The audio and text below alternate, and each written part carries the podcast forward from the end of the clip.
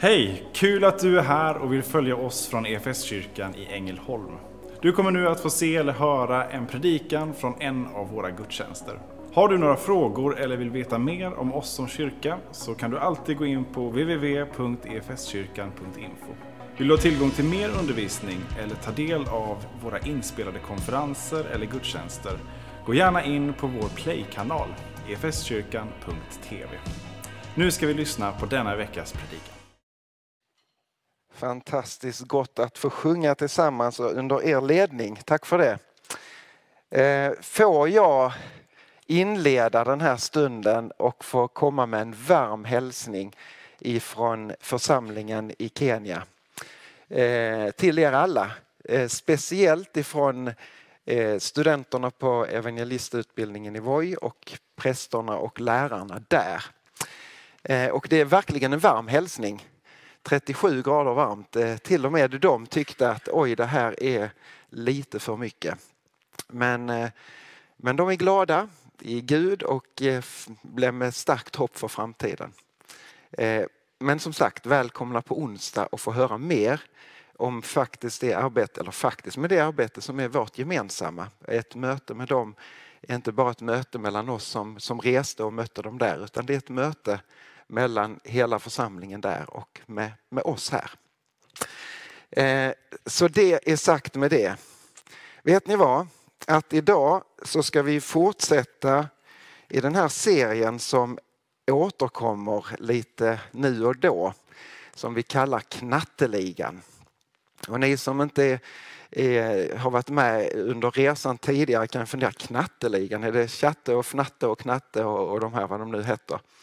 Nej, det är det inte. Det handlar istället om att vi får stanna upp inför tolv stycken böcker i Gamla Testamentet. De som kallas de tolv småprofeterna.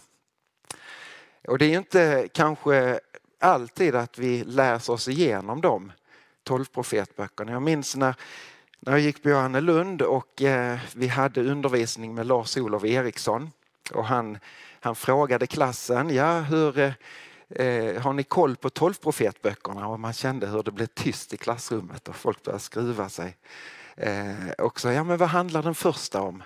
Och vad är tilltalet i folket där? Och, och alla blev tystare och tystare och han med stor häpnad tittade på, läser ni inte tolvprofetböckerna minst en gång om året? Ja, det var lite sådär svävande svar. Eh, men därför så tänker jag det är så eh, spännande och viktigt att få, få stanna upp inför de här tilltalen från Herren till folket då. Men vår tilltro till bibelordet är att det är ett levande ord och att Gud kan tala också genom alla tider genom sitt ord. För att utmana och uppmuntra och vad nu Gud vill göra. Idag ska vi få stanna upp inför en av böckerna som kanske är den mest kända av folk. Mycket med anledning av en sån här. Ja, det står inte något där bak. Är det någon som kan gissa vilken bok det är vi ska stanna upp inför? Ja, för det här är en jättestor fisk va? I, i miniformat, skala, ja någonting. Han får stå där nere som en påminnelse. Ja, vi ska stanna upp inför Jona bok. En väldigt speciell profetbok skulle jag säga i förhållande till, till de andra profetböckerna i Gamla Testamentet. Man kan nog sammanfatta alla de andra genom att säga att, att eh, det är väldigt mycket präglat av Guds tilltal genom profeterna så att det blir på något sätt böcker och skrifter med ord av profeterna. Men Jona bok är mer en, en, en hälsning om en profet än liksom massa tilltal. Egentligen så är det faktiskt bara ett tilltal från, från Gud genom profeten Jona i Jona bok. Alla de andra präglas av det här. Så säger Herren och så kommer hälsningen till folket. Jona bok eh, präglas som sagt lite på ett annat sätt. Jona han är verksam någonstans mellan 800 och 750 före Kristus i Nordriket. Landet har blivit uppdelat efter kung eh, Salomos så, så blir det uppdelat i Nordriket, Israel och Sydriket Juda. I Juda så råder, eh, eller regerar en kung som heter Hosea men i Nordriket så är det vid den här tiden en kung som heter Jerobeam den andra. Jerobeam den andra får vara med om att, att vinna tillbaka landområden som, som liksom tillhör landet och samla på något sätt folket. Och det kan man ju tycka är bra. Men Jerobeam var en urusel kung. Faktiskt.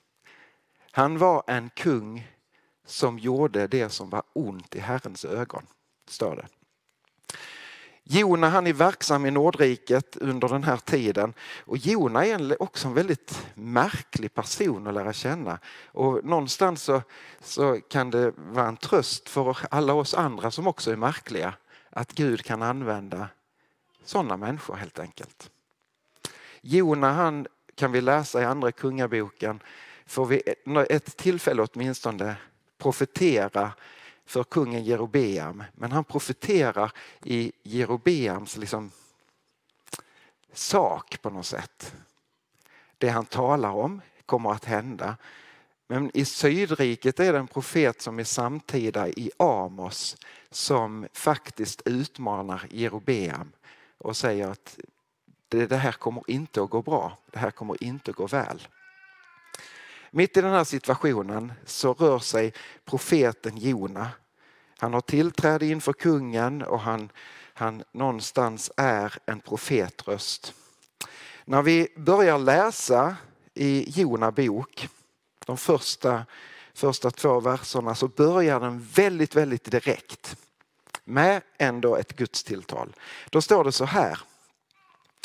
Herrens ord kom till Jona, Amittais son.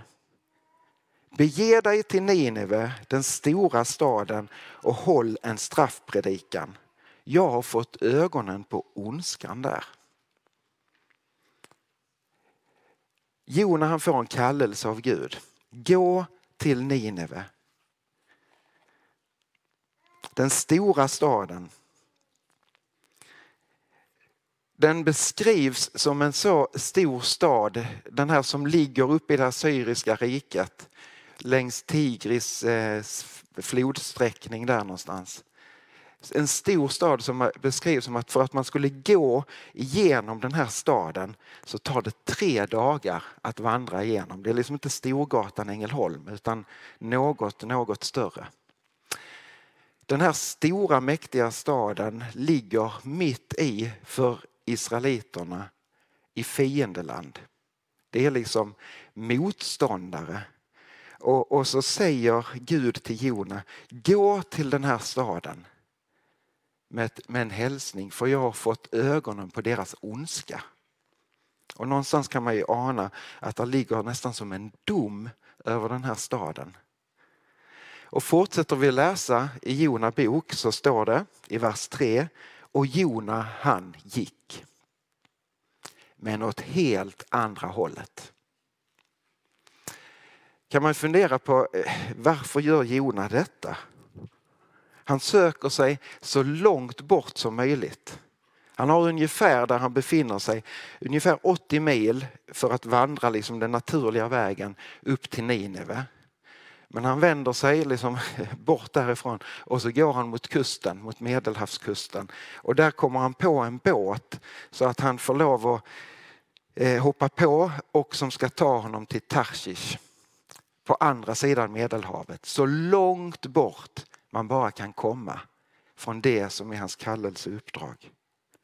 Och det står att han egentligen inte flyr liksom staden utan han flyr faktiskt ifrån Gud. Han försöker fly ifrån Gud. Man kan ju fundera på varför eh, är han liksom motsträvig i detta? Är det så att han liksom tänker att Nej, men jag är rädd och orolig för att gå in i det här området? Eller är det någonting i honom så varför har Gud med dem att göra? Det är våra de ska vi ha Gud en tanke för dem. Vad som väcks i Jonas liv som får honom att gå i motsatt riktning, det vet vi inte helt säkert. Men det vi ändå får möta i Jona det är en motsträvig, bångstyrig profet. Men vi ska slå upp också och läsa ifrån Saltaren 139. För vissa av er kända ord, för någon annan kanske nya ord. Oavsett så gäller den oss alla. För det här beskriver någonting om vem Gud är. Det står så här i Psaltaren 139 och 7 och framåt. Var skulle jag komma undan din närhet? Var skulle jag fly för din blick? Stiger jag upp till himlen så finns du där. Lägger jag mig i dödsriket är du också där. Tog jag mig morgonrodnadens vingar och gick jag till vila ytterst i havet skulle du nå mig även där och gripa mig med din hand. Och det är detta Jona är på väg att göra. Han försöker fly ut på havet så långt bort som möjligt. Men Gud når honom också där. Hoppar vi fram och fortsätter och läser i, i Jona bok, det första kapitlet, så beskrivs den här båtfärden där han har liksom mönstrat på en båt och ska bege sig över Medelhavet. Att plötsligt så kommer det en kraftig, kraftig storm och det blir på något sätt sjönöd i, i, på den här båten. Sjömännen blir oroliga. De, vi håller på att gå under. Det här kommer inte att sluta väl. Och så står det att de ropar till sina gudar. Eh, vilka de nu var. Rädda oss, hjälp oss på något sätt. Och så är det en av, av eh, sjömännen där som går ner eh, under däck och där ligger Jona och sover. Och de ruskar liv i honom. Och, Vakna! Du måste också ropa till din Gud. Så att vi inte ska gå under. I vers 9 i kapitel 1 så kan vi läsa kan man läsa Jonas svar när han får frågan av, eh, av den här sjömannen. Vilket folk tillhör du? Så svarar Jona, jag är hebre, svarar han. Jag dyrkar Herren, himlens Gud, han som har gjort både hav och land. Jona bekänner sig ändå till Gud. Han bekänner sig till den guden som har skapat himmel och jord och som håller allt i sin hand. Ändå försöker Jona fly från honom. Märkligt. Vad är Jona för en typ kan man tänka. Han bekänner sig i alla fall till Gud och det väcker någonting hos de här sjömännen.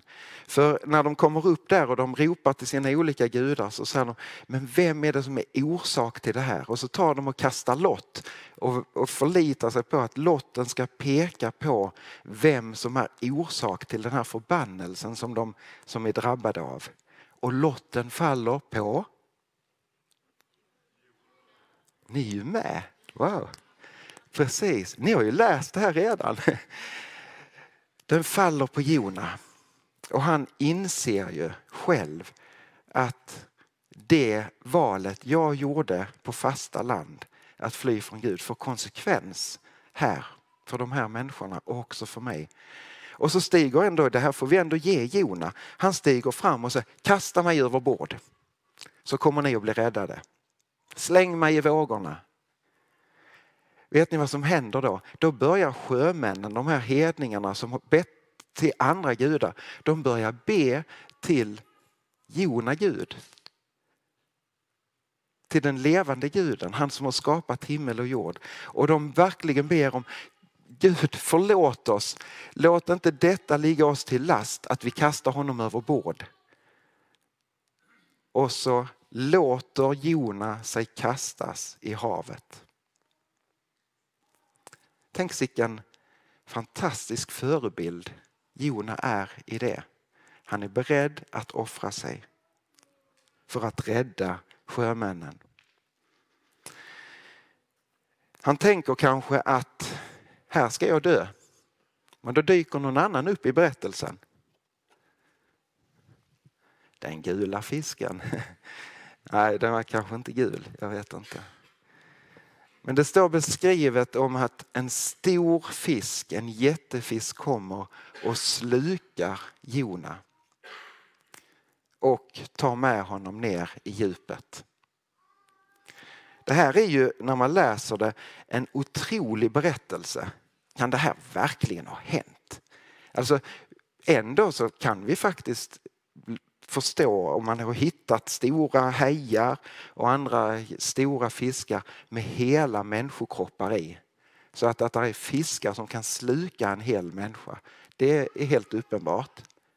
Men kan man överleva i fiskens inre i tre dagar?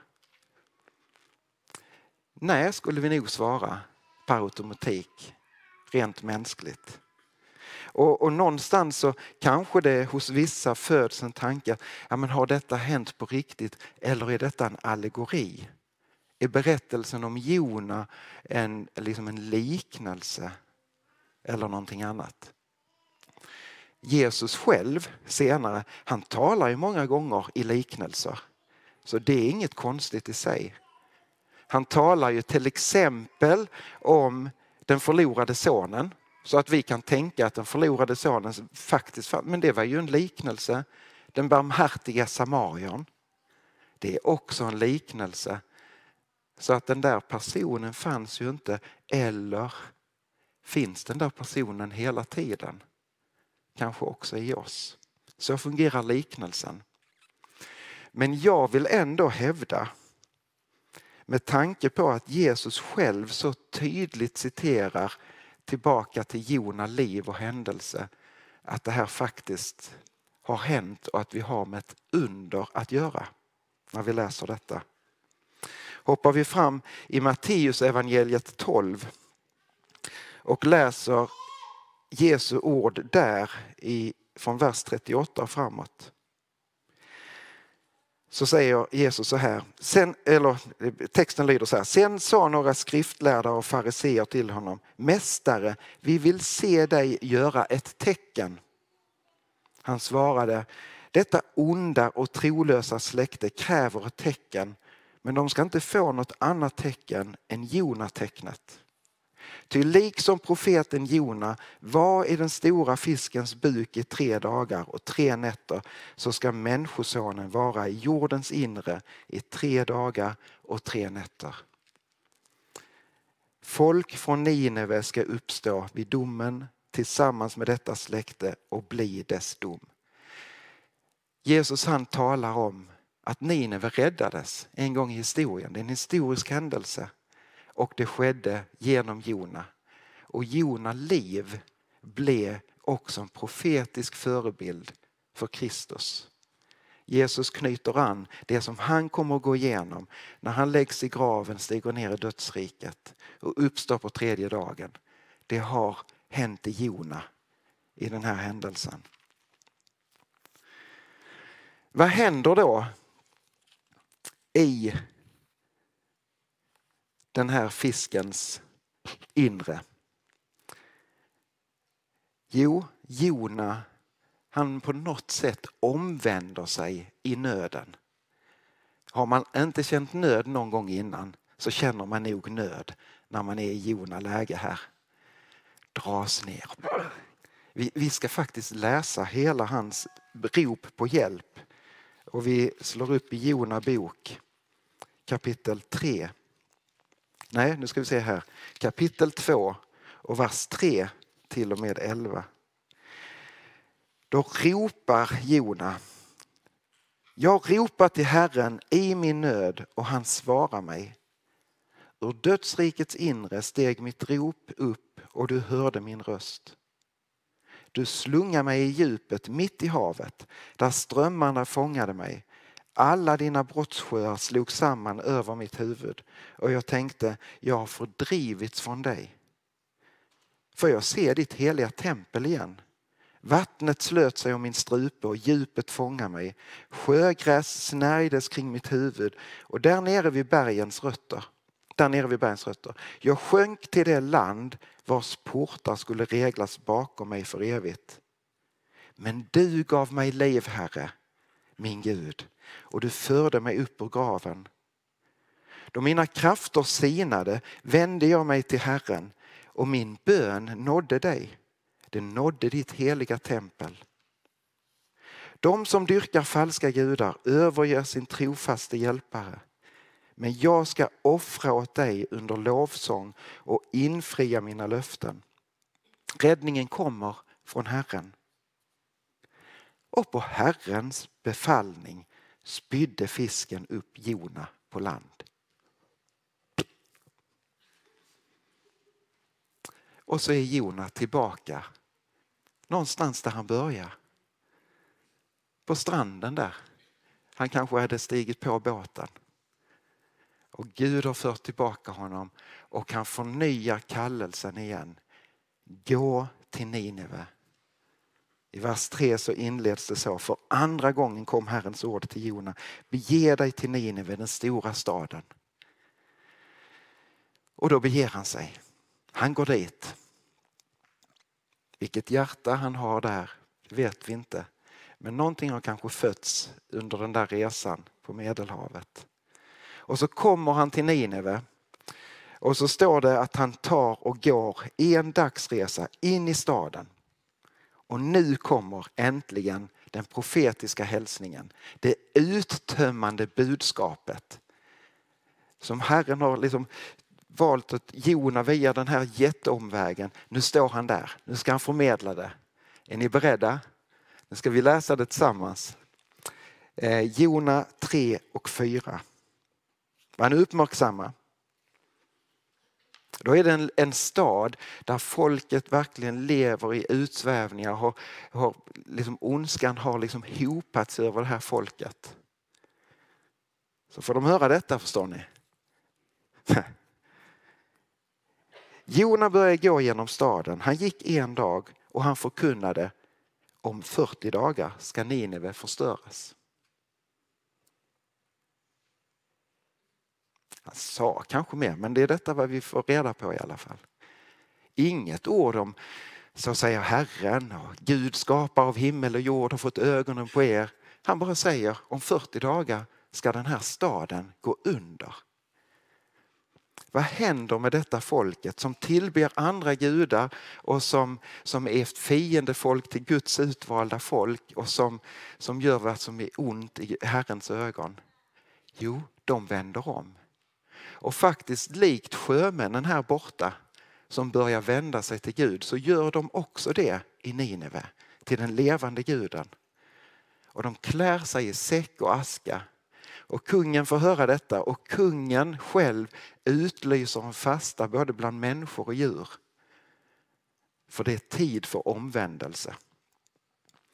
Och Gud ser till deras hjärtan och räddar staden. Och Jona blir jätteglad. Inte. Det är så märkligt med Jona. När han surar på. Jaha, det var väl det jag visste. Det här, du skulle rädda den här stan. Det blev precis som jag sa från början. Och så går han ut och så sätter han sig på ett berg utanför och tittar bångstyrigt på staden. Nej men jag ska se, den kommer att förstöras. Och så surar han och så kommer Gud till honom och säger, har du någon anledning att vara arg? Men Gud visar också på sin nåd och sin tålamod, sitt tålamod över Jona då han faktiskt låter ett träd bara växa upp över honom så han får skugga för den heta solen. Men han sitter fortfarande där och surar. Nästa morgon när han vaknar fortfarande lika vred i sitt inre Jona så har trädet vissnat för det har kommit någon mask in och förstört det här trädet och alla löven faller av. Och så kommer det en het östlig vind. Och Jona önskar ingenting annat än livet. Döda mig Gud. Det här var ett misslyckande.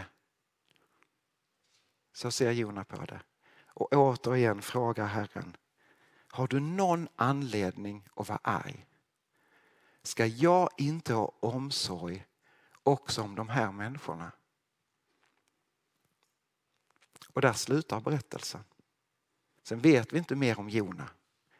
Vi vet inte hur han bryter upp därifrån. Kanske han försonas med sig själv och sitt eget hjärta och på nytt vänder om till Herren. Men Jona har något viktigt att säga också till oss i vår tid.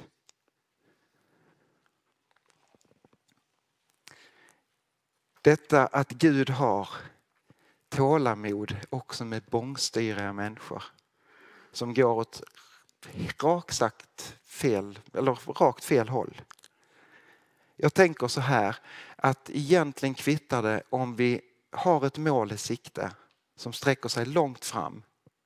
Målet, evigheten, en helig och ren och total gemenskap med Gud.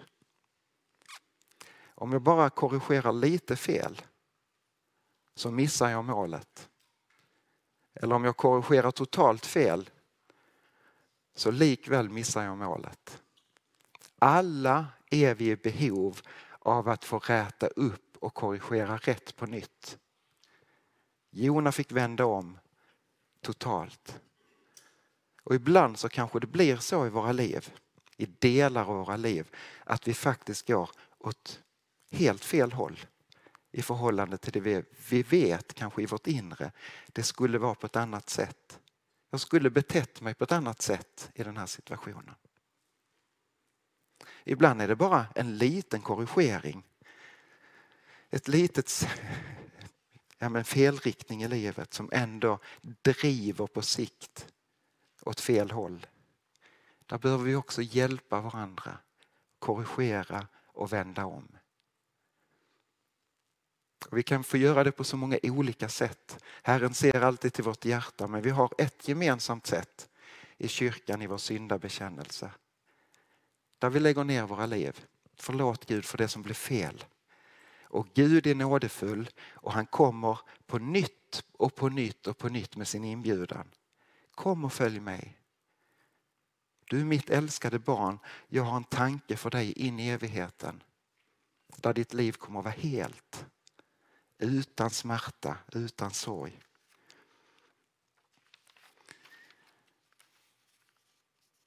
Men så blir också Jona liv en profetisk hälsning i sig själv.